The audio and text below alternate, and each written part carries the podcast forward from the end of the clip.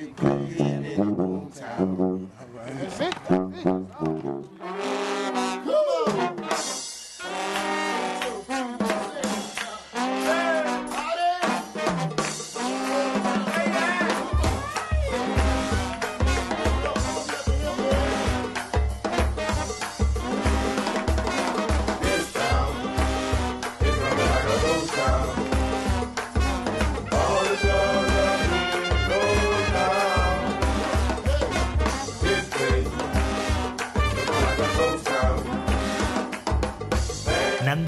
presenta 10.000 fogueres. Hola, què tal? Ja som aquí. Benvinguts, benvingudes a 10.000 fogueres. One more time, una setmana més. Aquesta és la setmana 204. A ningú li importa, però jo tant en tant ho vaig, vaig dient eh, el número de foguera, el número de setmana que som, per, bueno, per donar aquesta sensació de que la cosa tira endavant i portem, ja tenim certa tradició, gai- gairebé som un programa amb història, amb gairebé 4 anys d'història.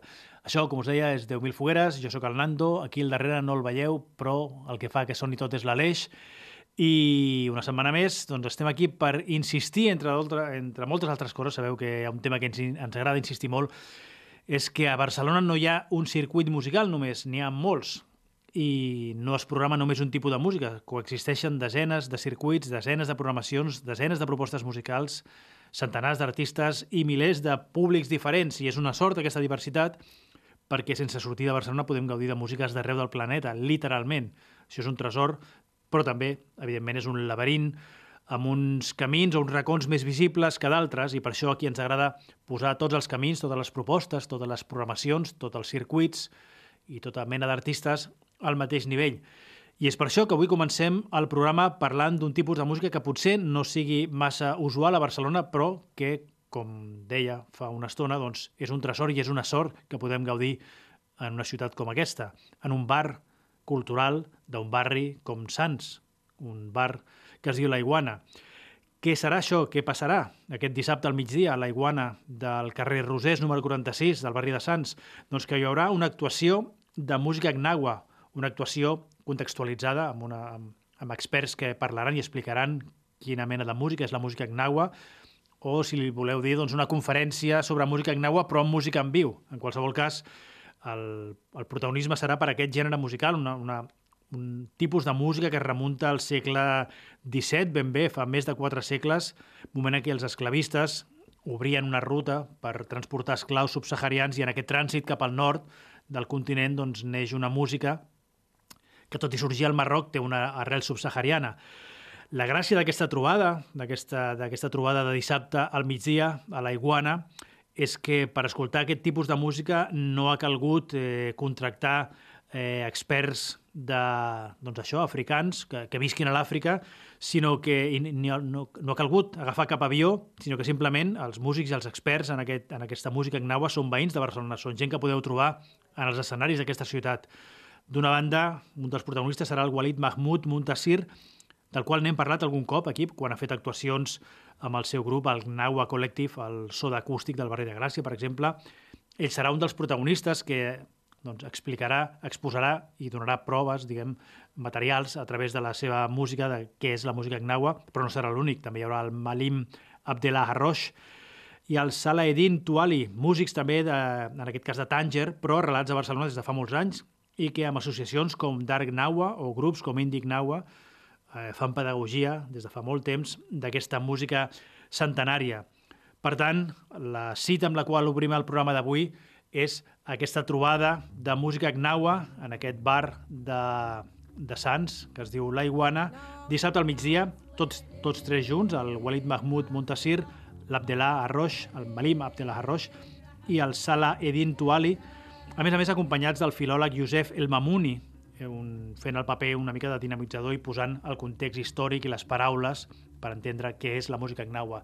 De fet, la música gnawa és això que estem escoltant de fons, una música molt rítmica, repetitiva, que indueix al trance i on aquests instruments de percussió que ja esteu sentint per sota, que es toquen amb les mans, aquesta, aquests cròtals, una mena de castanyoles però metàl·liques que li donen aquesta sonoritat estrident tan característica i també doncs, la guitarra eh, típica de la música gnawa que és el gembri Us deixem uns minutets amb música gnawa i quan sortiu del trance, doncs preneu nota un cop més. Dissabte a la Iguana de Sants. un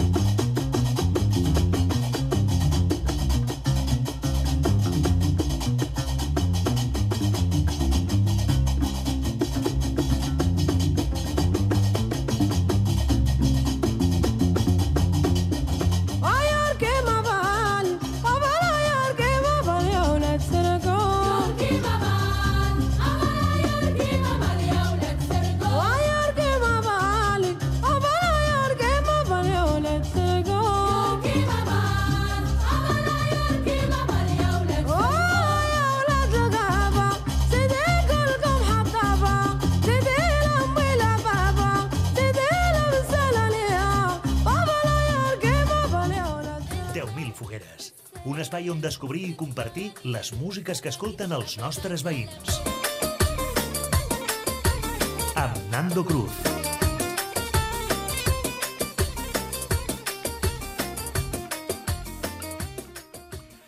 Com dèiem en començar el programa, aquesta és una de les moltes propostes musicals que coexisteixen a Barcelona. Aquesta trobada d'instrumentistes de música gnawa eh, a la Iguana, aquest bar cultural que hi ha al carrer Rosés número 46 de Sants, però no és l'única, evidentment, que podem trobar aquest dissabte al migdia. N'hi ha moltíssimes més, incomptables, potser 10.000, com les fogueres que donen nom a aquest programa.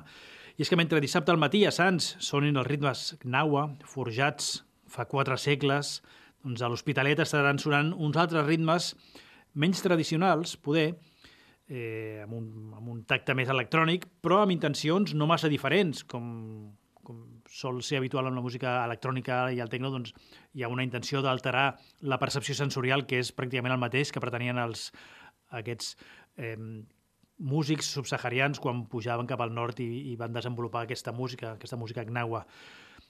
De què estem parlant? Doncs que al, a l'Hospitalet, a Bellvitge, al Garage of the Bass Valley, el que hi ha aquest dissabte al migdia, paral·lel, paral·lelament pràcticament als ritmes naua que sonin al barri de Sants, és una edició diurna, dissabte també, al migdia, del Festival Ombra. El Festival Ombra ja va fer una edició normal, diguem, al novembre, quan dic normal vull dir nocturna, a l'espai Utopia número 126, al Poble Nou, i fa un mes vam provar una cosa diferent i és fer una trobada, una tradició d'aquest festival, però de dia. I devia anar prou bé perquè ara en menys d'un mes ho repeteixen.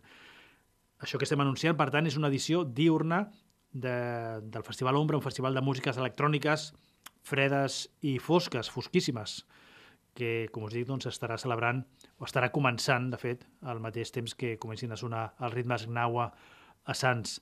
El, la proposta d'aquesta edició diurna del Ombra, aquí li diuen Ombra by Day, Ombra de dia, doncs comença, crec que a la una del migdia, i no acaba fins a les 11 de la nit. Això ja no sé si és un festival matinal, és un after, o bueno, en qualsevol cas és una marató, perquè són un, una carretada d'hores, més de 10 hores de, de músiques electròniques amb actuacions en directe de Jugoslàvia, amb sessions d'Elmer Davy i amb, altres, i amb directes inclús d'artistes arribats de lluny, com és el cas de Seldot, el projecte del suec Anders Carlsson.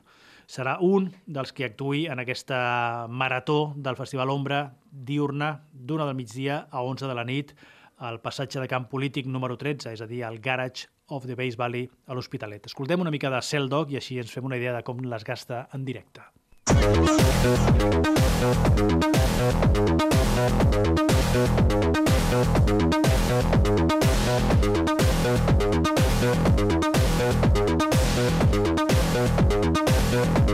Thank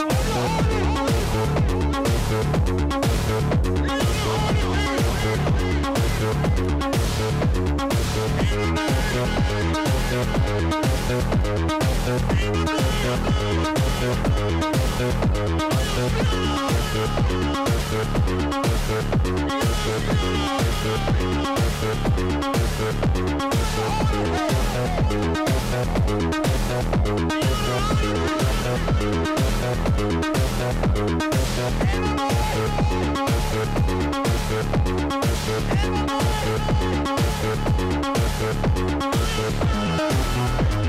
We'll be right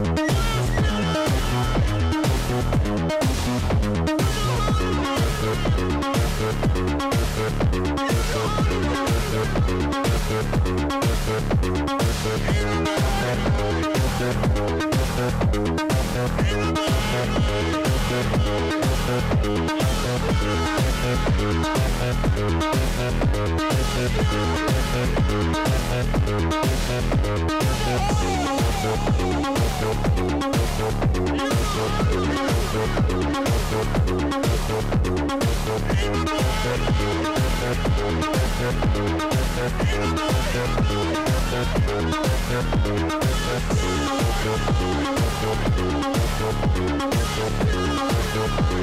Música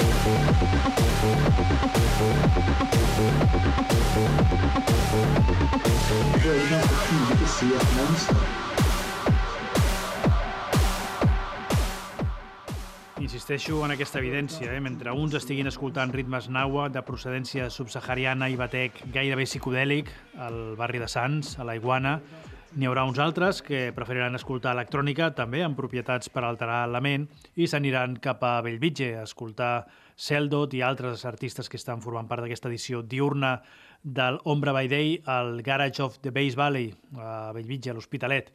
I també n'hi haurà uns altres que voldran rememorar clàssics, en aquest cas de la música mod, de la música mod dels anys, de principis dels anys 80, una altra música tradicional, però en aquest cas no de fa quatre segles, sinó de fa quatre dècades. Perquè fa 40 anys que van néixer els Brighton 64, aquest grup barceloní fundat pels germans Albert i Ricky Gils, Ricky Gil, perdó, capitans de l'escena mod de l'any dels anys 80, van començar eh, estan actiu doncs, això, el 82, 83. De fet, ara, coincidint amb aquest 40è aniversari, eh, publiquen un disc de celebració amb alguns clàssics regravats i comencen també una gira peninsular de primavera que ha d'anar doncs, de Lleida a Bilbao, de Miranda d'Ebro a Castelló, de Logroño a Amposta, i així anar fent. La gira, evidentment, arrencarà a Barcelona, la seva ciutat, i més concretament a la botiga de discos, que també és el segell de, que publica aquest darrer disc que, que han tret ells, han tret els Brighton, un disc que es diu Más de lo mismo, un títol molt irònic i al mateix temps molt, molt encertat, molt curiós. La botiga i el segell que els ha publicat el disco és Becore i la seva seu és al carrer Montmany número 25, al barri de Gràcia, el, vamos, al cor del barri de Gràcia, a una cantonada de l'Helio Gàbal i a tres cantonades de la plaça de la Virreina. Doncs allà, si us voleu acostar, a la botiga de discos de Becore, carrer Montmany número 25, dissabte al matí, també coincidint amb la trobada de ritmes Naua i, i coincidint també amb aquesta edició diurna de l'Ombra by Day, dissabte al matí, al matí doncs podreu gaudir d'aquest concert de vermut de, de dissabte migdia, més que matí, dissabte migdia, amb clàssics dels Brighton com aquest, que obre el seu disc i que es diu, òbviament, En mi ciutat.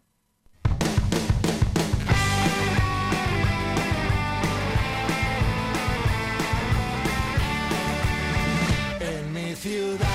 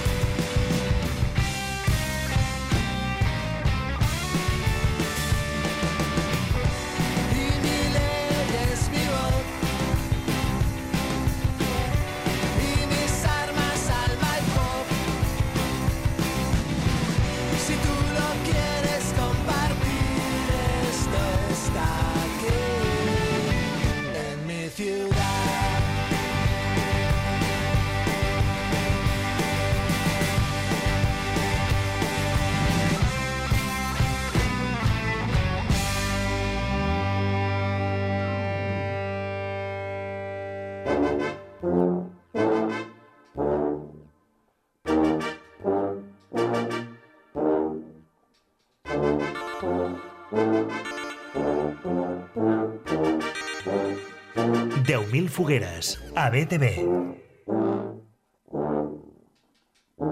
Amb Nando Cruz. I si els Brighton 64 són uns veterans de l'escena mod barcelonina dels anys 80, els Good Riddens són uns clàssics de l'escena del hardcore melòdic californià dels 90, una dècada després. No és que els Good Riddens estiguin de gira aquests dies per, per Catalunya, però sí el seu líder i cantant, el Rus Rankin, que de fet ja fa anys que impulsa la seva carrera en solitari en paral·lel a aquesta formació de hardcore californià. De fet, ara fa 10 anys que va publicar un disc en acústic, de, de, bueno, el, mateix tipus de composició, però amb un to una, una mica més reposat, un disc que es deia Farewell Catalonia, que, que casualment el rus Rankin és un militant d'esquerra amb perfil activista vegetarià, habitual en accions en defensa dels drets dels animals, i ara el que ha fet és eh, publicar un altre disc, acaba de, de publicar un, crec que és el segon, el segon disc que publica en solitari, es diu Come Together, Fall Apart, i el que fa serà presentar-lo en diversos espais aquí a Catalunya. Diumenge el presenta a la Descomunal, aquest eh, restaurant que hi ha dins el rusc de cooperatives de la Comunal, al barri de Sants, concretament al carrer Tenor Massini número 5. Això serà diumenge, però un dia abans, dissabte, farà un altre concert a Manlleu i a més a més en una cerveseria, una cerveseria molt cèntrica que hi ha a Manlleu que es diu Manlleuet Cerveseria, cerveseria i restaurant, de fet, un escenari insòlid on potser ningú va pensar mai com a mínim als anys 90, que hi actuaria el líder dels Good Riddance, però així és, i és per una raó tan casual com que el, el noi que porta en furgoneta el Rus Rankin en, la seva, en aquesta gira eh, catalana i entenc que també peninsular doncs, eh, és de Manlleu, llavors aprofita i se'n van una nit a dormir a casa i, ja que hi són, doncs, porten el, el Rus Rankin a fer un concert en acústic en aquesta cerveseria que hi ha al centre de Manlleu, concretament a la plaça Fra Bernardí. Si sou d'Osona, doncs podeu acostar-vos cap a Manlleu dissabte i si sou d'aquí a Barcelona, doncs res, diumenge el teniu a la Descomunal presentant cançons com aquesta, Aboliu el Senat, Abolish the Senate. Constitutional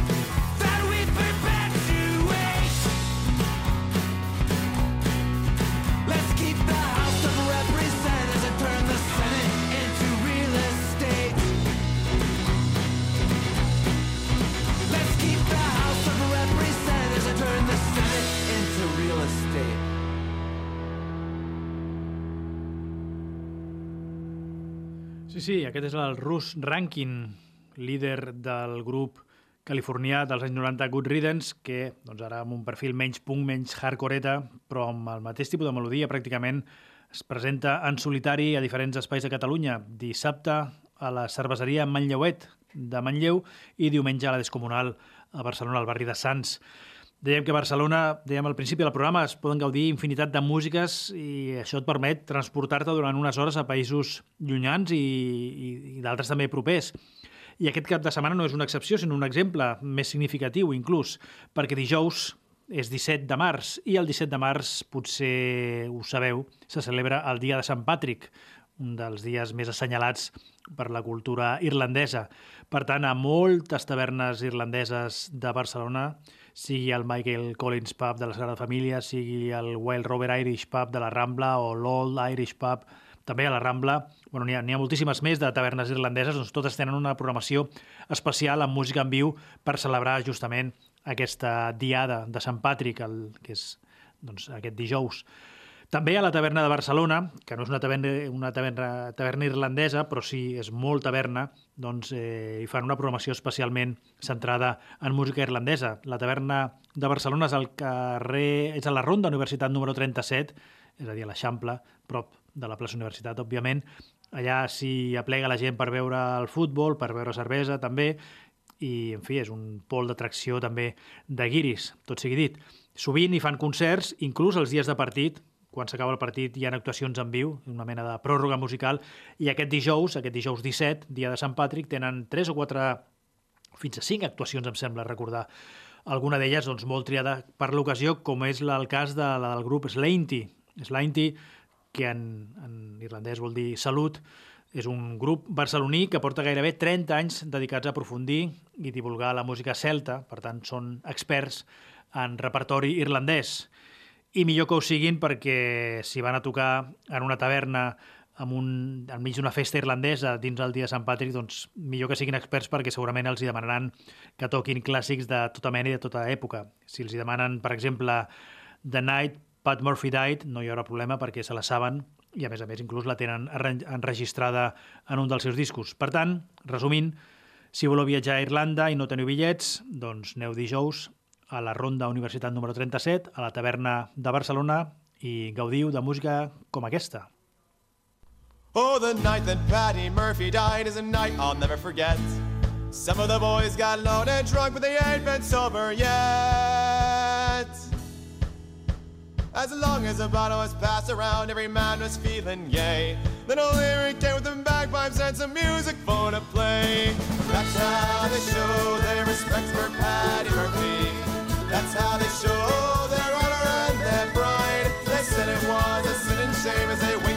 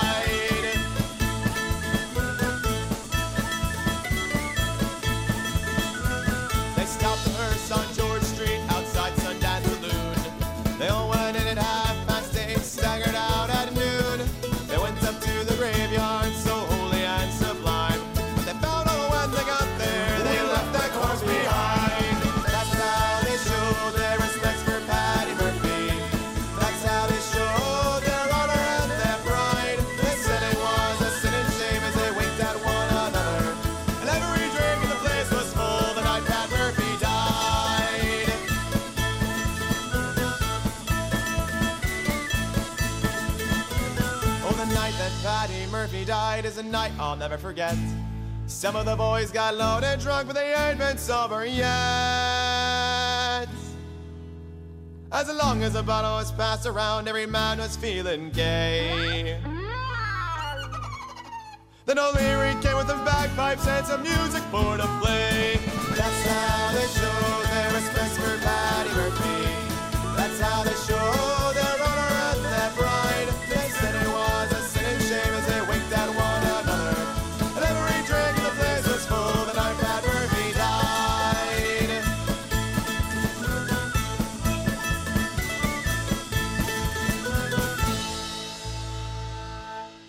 quiero saber cuál es tu canción, así que canta. Yo quiero saber cuál es tu canción, así que canta. 10.000 fogueres a BTV. Podríem seguir estona i estona parlant d'actuacions que se celebren aquests dies a la ciutat perquè sembla que l'agenda s'està recuperant i, i, en fi, hi ha moltíssima teca per triar, però també tenim moltes cançons a escoltar i aquí al programa doncs, ens agrada fer les dues coses, parlar d'actuacions en viu a la ciutat, però també parlar de les cançons que us estimulen i que us estimulen fins al punt de voler-les compartir. L'altre dia, per exemple, vaig trobar un tuit de la Maria Canet, fa servir el compte arroba Maria F. Canet, que deia simplement, nota mental, dos puntos, no volver a estar tanto tiempo sin escuchar a Billy Joel. ¿Cómo me flipa esta canción? Doncs jo crec que no hem escoltat en la vida aquí el Billy Joel en aquest programa. Jo a casa meva, diguem, en la meva vida privada sí que l'he sí que escoltat molt, sobretot anys enrere, i aprofitem aquest, aquest tuit de la Maria per tirar de la seva, bueno, de la seva nota mental i escoltar la cançó aquesta que diu que li flipa tant. De fet, és, la cançó es diu Moving Out, també coneguda com Anthony's Song, i és la cançó que obria The Stranger, el cinquè i més famós disc del Billy Joel, com a mínim fins a aquell moment, un disc que va publicar l'any 77, és a dir, fa 45 anys, ni més ni menys. Una cançó, aquest Moving Out, que ironitzava eh, amb la gent que, que curra com un animal a, a la ciutat per poder-se comprar una casa fora de la ciutat. Ell, a ell li semblava això una, una tonteria, no? Matar-se a treballar per simplement sortir de la ciutat i tenir una casa més gran. En una època, tot sigui dit, en què una, man, una de les maneres de mesurar el teu èxit, el teu triomf professional era justament tenir una casa als afores de la, de la metròpolis. Quina... En fi, com ha canviat la història, no? Aquesta cançó gairebé és, és inexplicable, no? Ara, ara que tothom curra com un animal per poder seguir a la ciutat, no? Per no haver de marxar, per, per poder pagar els lloguers cada cop més alts i no haver d'emigrar a una, a una ciutat dels afores, doncs, eh, de fet, ara sembla que el símbol de l'èxit sigui justament no poder aguantar i no ser expulsat de, de ciutats grans com Barcelona. Doncs aquesta cançó potser no s'entén massa, però el context dels anys 70 era, era aquest altre, no? El, el triomf es mesurava amb, amb la capacitat que tu tenies de marxar de la ciutat i comprar-te un bon xalet ben lluny. Eren uns altres temps. Era l'any 77, l'any en què el punk esclatava i el Billy Joel doncs, també esclatava comercialment amb, amb cançons com aquest Moving Out. Escoltem-la, doncs. Anthony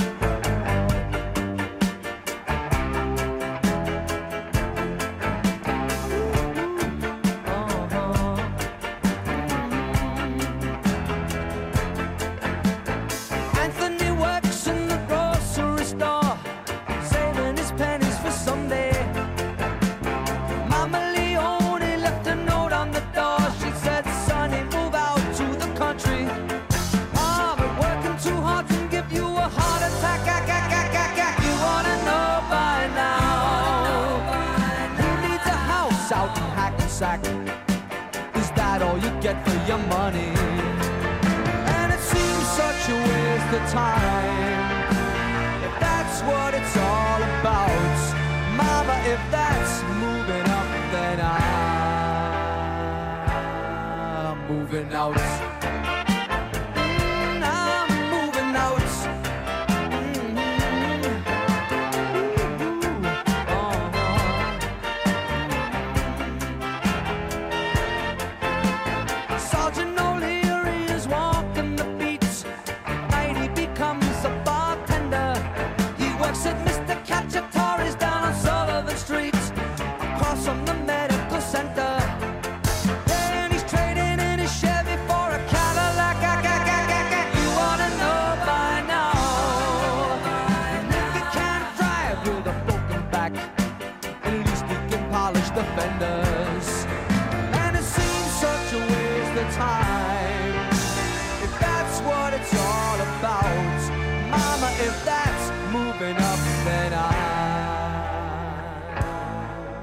Moving out.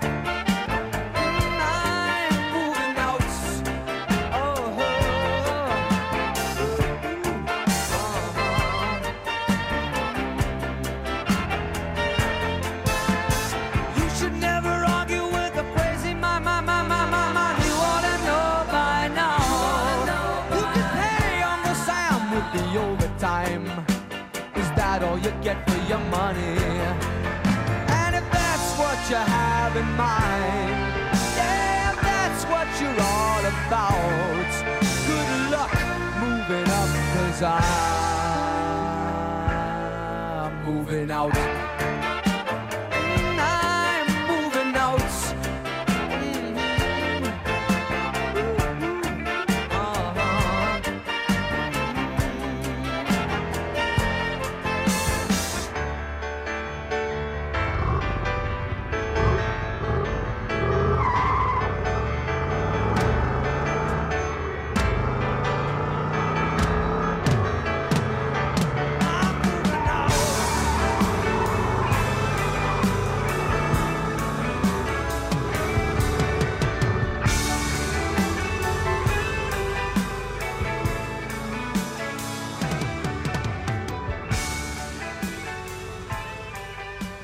Que moderna, eh? amb un sampler inclús d'un cotxe fugint de la ciutat a tot drap. Aquest era Billy Joel l'any 77, és a dir, fa 45 anys.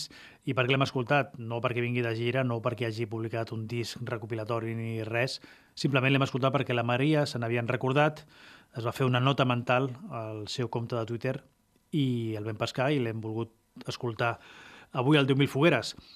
Fa una estona sentíem el Rus Ranking dels Good Riddance, aquest eh, artista que arriba aquests dies de, de gira per Catalunya, component, com us deia, dels Good Riddance, un grup de hardcore californià, també de skate punk, i el que farem serà escoltar una cançó que parla de skaters, justament, una mena de cançó protesta contra els pares que porten els nens eh, a parcs de skate, aviam si els converteixen en reis de l'escating. Um, I per què l'escoltem? Doncs un cop més, perquè hi ha un tuitaire, en aquest cas el Yuyu Penombra, que fa servir el compte arroba ypenombra, que l'altre dia doncs, llançava un tuit on deia algú havia de dir les coses clares. Regulació ja per prohibir criatures en patinet als skateparks. És una... Bueno, ja sabeu que aquí al planeta tenim cançons de totes les temàtiques. El problema és creuar-se amb elles i descobrir-les. Doncs mira, aquesta setmana ens hem creuat, o almenys jo em vaig creuar a través del, del Twitter amb aquesta cançó que bueno, crec que hauríeu d'escoltar. És un minut i mig de destralada hardcoreta, de la qual, per si de cas, us traduiré la lletra. Diu, una rampa plena de sang, pitjor que els nens ho són els pares, entrenadors amb somnis frustrats, la broma us sortirà cara, no enteneu res. Aquest espai no us pertoca. Et vola les dents un eix que et tanca la boca.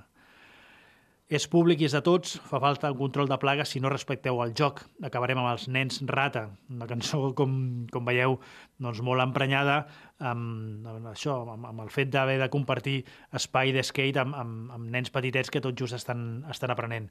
La cançó, per cert, la protagonitzen, són, les, en són autors, un grup que es diu Sax, S Sax, amb doble S, i es titula AXA, AXA, que són unes sigles que volen dir Associació Catalana de Skaters Emprenyats. Hola,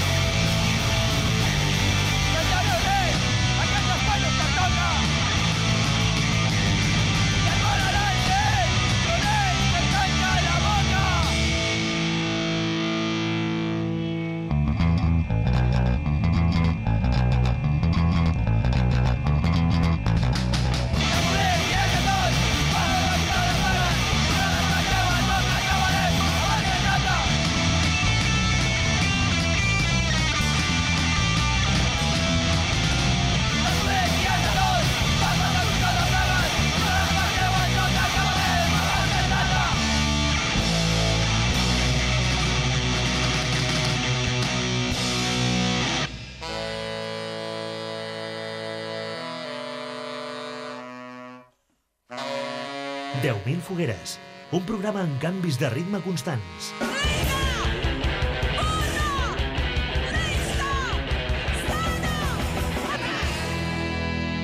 Amb Nando Cruz. Canvi de registre total i absolut, perquè passem de l'skate punk que hem escoltat ara amb aquests S-Sacs, aquesta associació de skaters catalans emprenyats, i passem a escoltar una xirigota. Sí, sí, així les gastem al 10.000 fogueres, perquè, bueno, en fi, un cop hem entrat en aquest espiral de recomanacions sense ordre de cap mena ni cap fil conductor, doncs podem escoltar perfectament una xirigota. Per què? Doncs per la mateixa de sempre, simplement perquè una tuitaire, en aquest cas la Mar, la Mar Vallecillos, que té el compte arroba mareaje, doncs va tuitejar dies enrere una xirigota i, en fi, l'algoritme de la curiositat m'hi va fer parar atenció. El seu tuit el que feia era simplement reproduir la lletra d'aquest- d'aquesta xirigota, que diu «Dedicado a las que están con gran fatiga, aguantando el bolso de su amiga, el pelo, la compresa y el tequila, para que ella vomite tranquila. Dedicado para las que están en una cola eterna, en un lavabo donde no funciona la cisterna». Li posava el hashtag 8M i la subtitulava, aquesta xirigota, com Feminisme i jarana, proposta de mínims. Això que tutejava la Mar és només, aquesta, aquest fragment de la lletra és només part d'una composició de Les Madrines, una xirigota gaditana encapçalada per la Susana Ginesta, que dies enrere va fer córrer una cançó titulada El bar Pelo Huevo, una cançó sobre, que, sobre aquells bars que tenen un lavabo pensant només perquè hi pixin homes i homes sense massa escrúpols higiènics, tot sigui dit. Aquells bars on la tassa del vàter mai està neta, on potser falla la cadena, la cisterna, i on potser has d'inclús apartar dues caixes de cervesa per fer-te una mica de lloc i pixar. Doncs si a tot això li afegeixes el fet de ser dona i necessitar pixar d'una altra manera, doncs evidentment es converteix en un, en un lloc força complicat. I d'aquí neix aquesta xirigota feminista que de fet té com a base musical un clàssic d'Eros Ramazzotti, una cançó famosíssima de l'Eros Ramazzotti que es deia Si bastant ser un par de canciones, així es deia en, en castellà, evidentment. En italià tenia un altre títol. Ara, les madrines l'han rebatejat com El bar pelo huevo i ja us aviso que quan l'escolteu doncs, sentireu molts riures perquè està interpretada en rigorós directe en un bar, un bar pelo huevo, evidentment. Si tú entras en un bar, me lo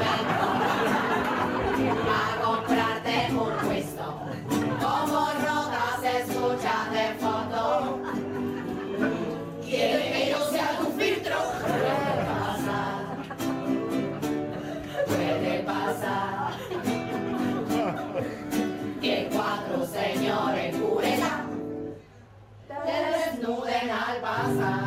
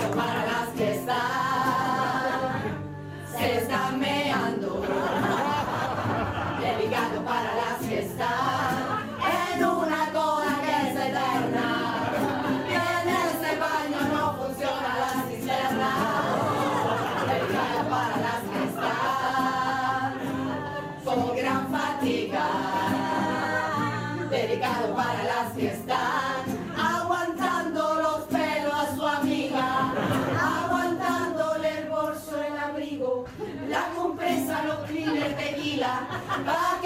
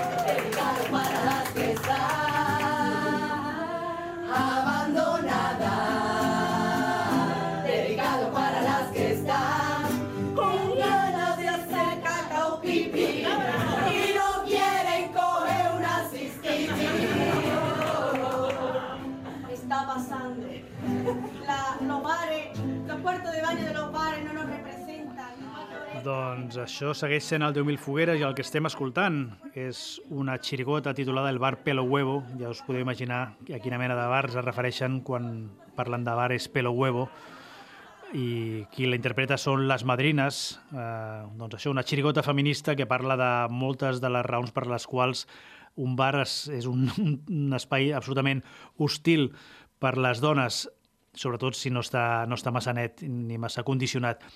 Seguim, tirem pel dret i el que escoltarem ara serà una altra dona de referència, com és la Guillermina Mota.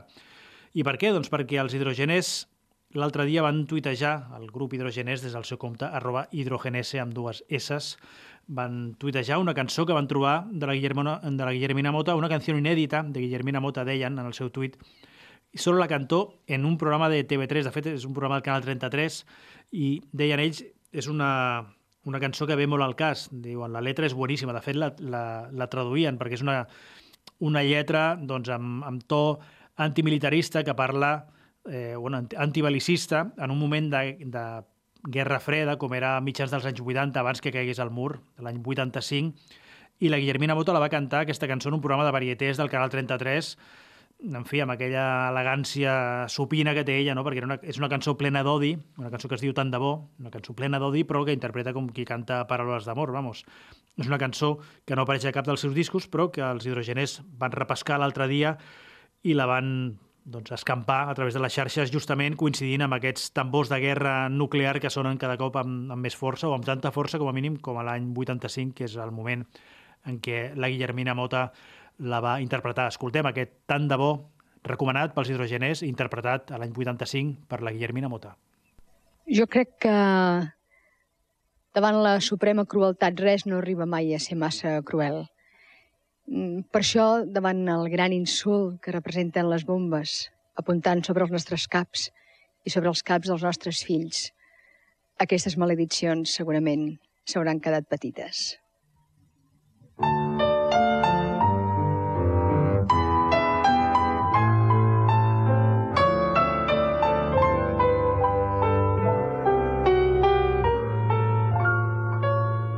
Maleeixo les mans brutes que encara us donen tendresa, la cadira que us suporta i el sabó que no us neteja.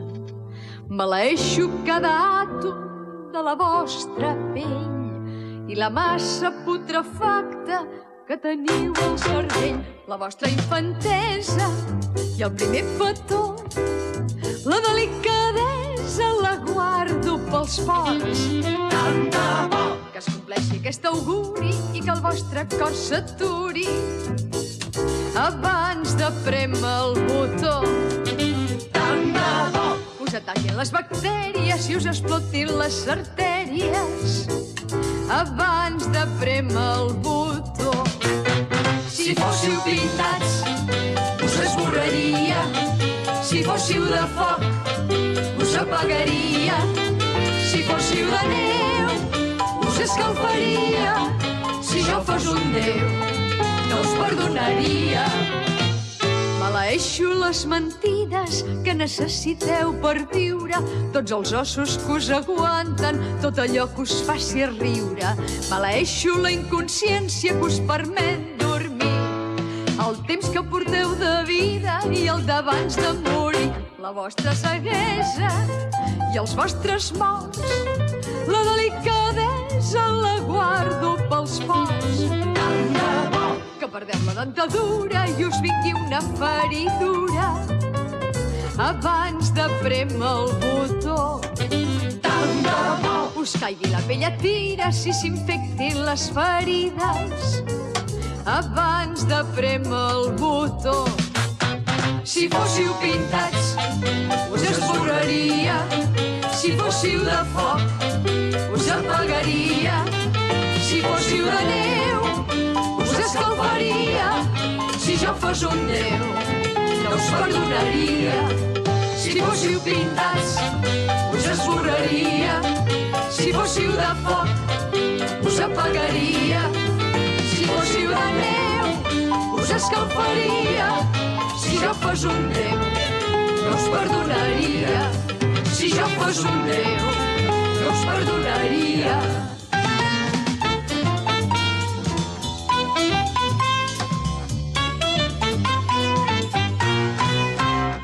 10.000 fogueres.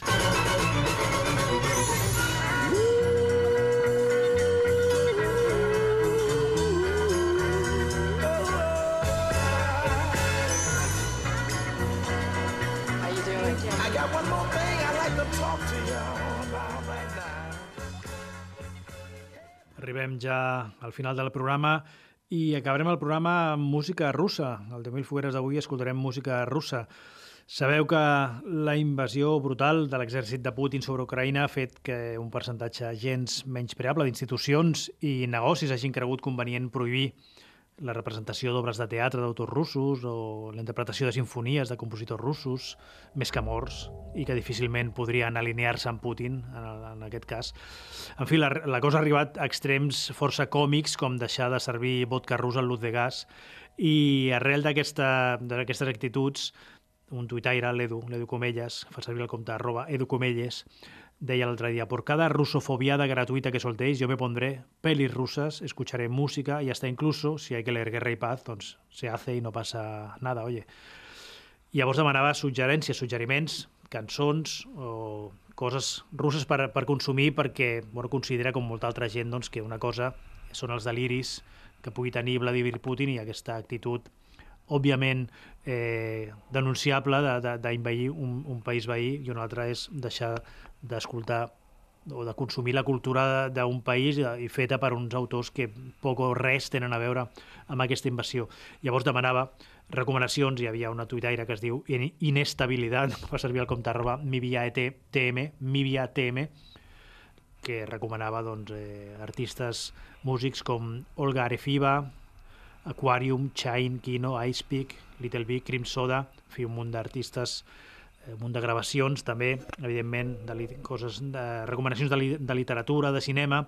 El Luis Codera, un altre músic que fa servir el compte arroba Codera Puzo, eh, feia una recomanació afegida, ja, tienes suerte, que la cultura rusa es inmensa porque te van a faltar horas para escuchar tantas cosas que hay en internet. I llavors el que li feia recomanar una compositora eh, russa que es diu Elena Rikova, una, una noia nascuda fa 30 anys, com a molt, a Ufà, una ciutat a 1.300 quilòmetres cap a l'interior, 1.300 quilòmetres des, de, des de Moscou, per tant, camí ja de Kazakhstan, prà- pràcticament a la, a la, ben a prop ja de la frontera de Kazakhstan, una compositora de formació clàssica, però amb un peu a la música de cambra i l'altre en l'experimentació electroacústica. De fet, fa una estoneta que esteu escoltant a la Helena Rikova, una peça que es diu Cryptic Thickness, cosa críptica, és això que està sonant de fons, i amb aquesta peça casualment feta a Rússia, però podia estar composta a qualsevol altre lloc,